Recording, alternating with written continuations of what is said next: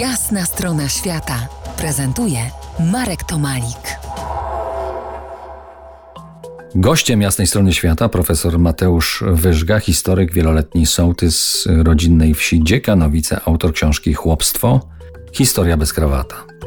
Na czym opierać się w planowaniu szlaków wiejskimi drogami, kiedy będziemy podążać rowerem, pieszo czy też samochodem?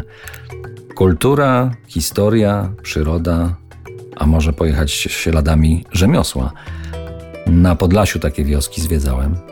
Wydaje mi się, że kośćcem tej oferty wsi, oferty agroturystycznej, takiej mikrohistorii będzie życie codzienne chłopów. Składało się z blasków i cieni. Było może mniej barwne niż życie szlachty, ale miało swoje piękne, mieniące się tęczowo elementy i do tego bym zachęcała. Co się na to składa? Przede wszystkim coś, co dzisiaj byśmy nazwali spacerami. Chłopi byli non-stop w ruchu tym fizycznym. Oni ciągle się, można powiedzieć, opalali na słońcu siłą rzeczy. Ich praca była pod chmurką, na świeżym powietrzu, z dala od hałasów, więc możemy tak e, kreować nasze szlaki, żeby naszymi punktami mijanymi były kapliczki wiejskie. To dawniej były przecież również e, sakralne, ale znaki drogowe, którymi tłumaczono sobie przestrzeń, odganiano demony.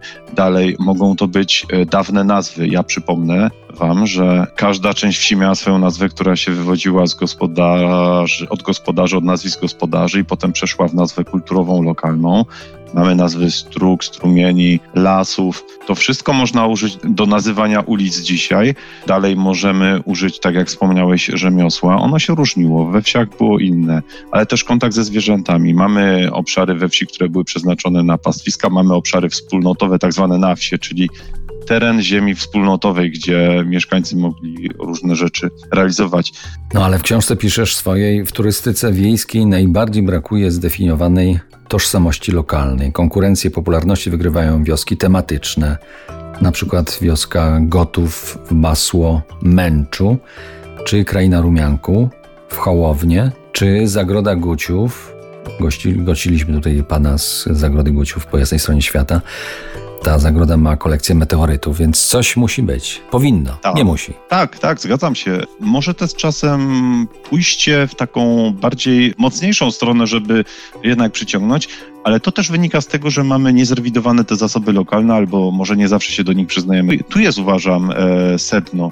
Powrót do źródeł, powrót do własnej pamięci czy postpamięci, to się realizuje. To nie jest tak, że ja, ja odkrywam Amerykę, tylko chodzi o to, żeby jeszcze mocniej odważyć się tego użyć. Tak, ale róbmy to powoli. Festina lente, czyli slow travel. Nie spieszmy się. Na wsi nie można się spieszyć. Wszystko musi mieć swój fajny rytm. Przypomnę, że moim gościem był profesor Mateusz Wyżga, historyk, autor książki Chłopstwo, historia bez krawata. Oczywiście książkę bardzo mocno polecam.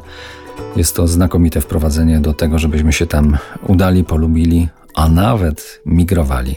Bardzo Ci dziękuję za Twój czas dla nas. Bardzo dziękuję wszystkim. Zapraszam na polską wieś. To była jasna strona świata w RMF Classic.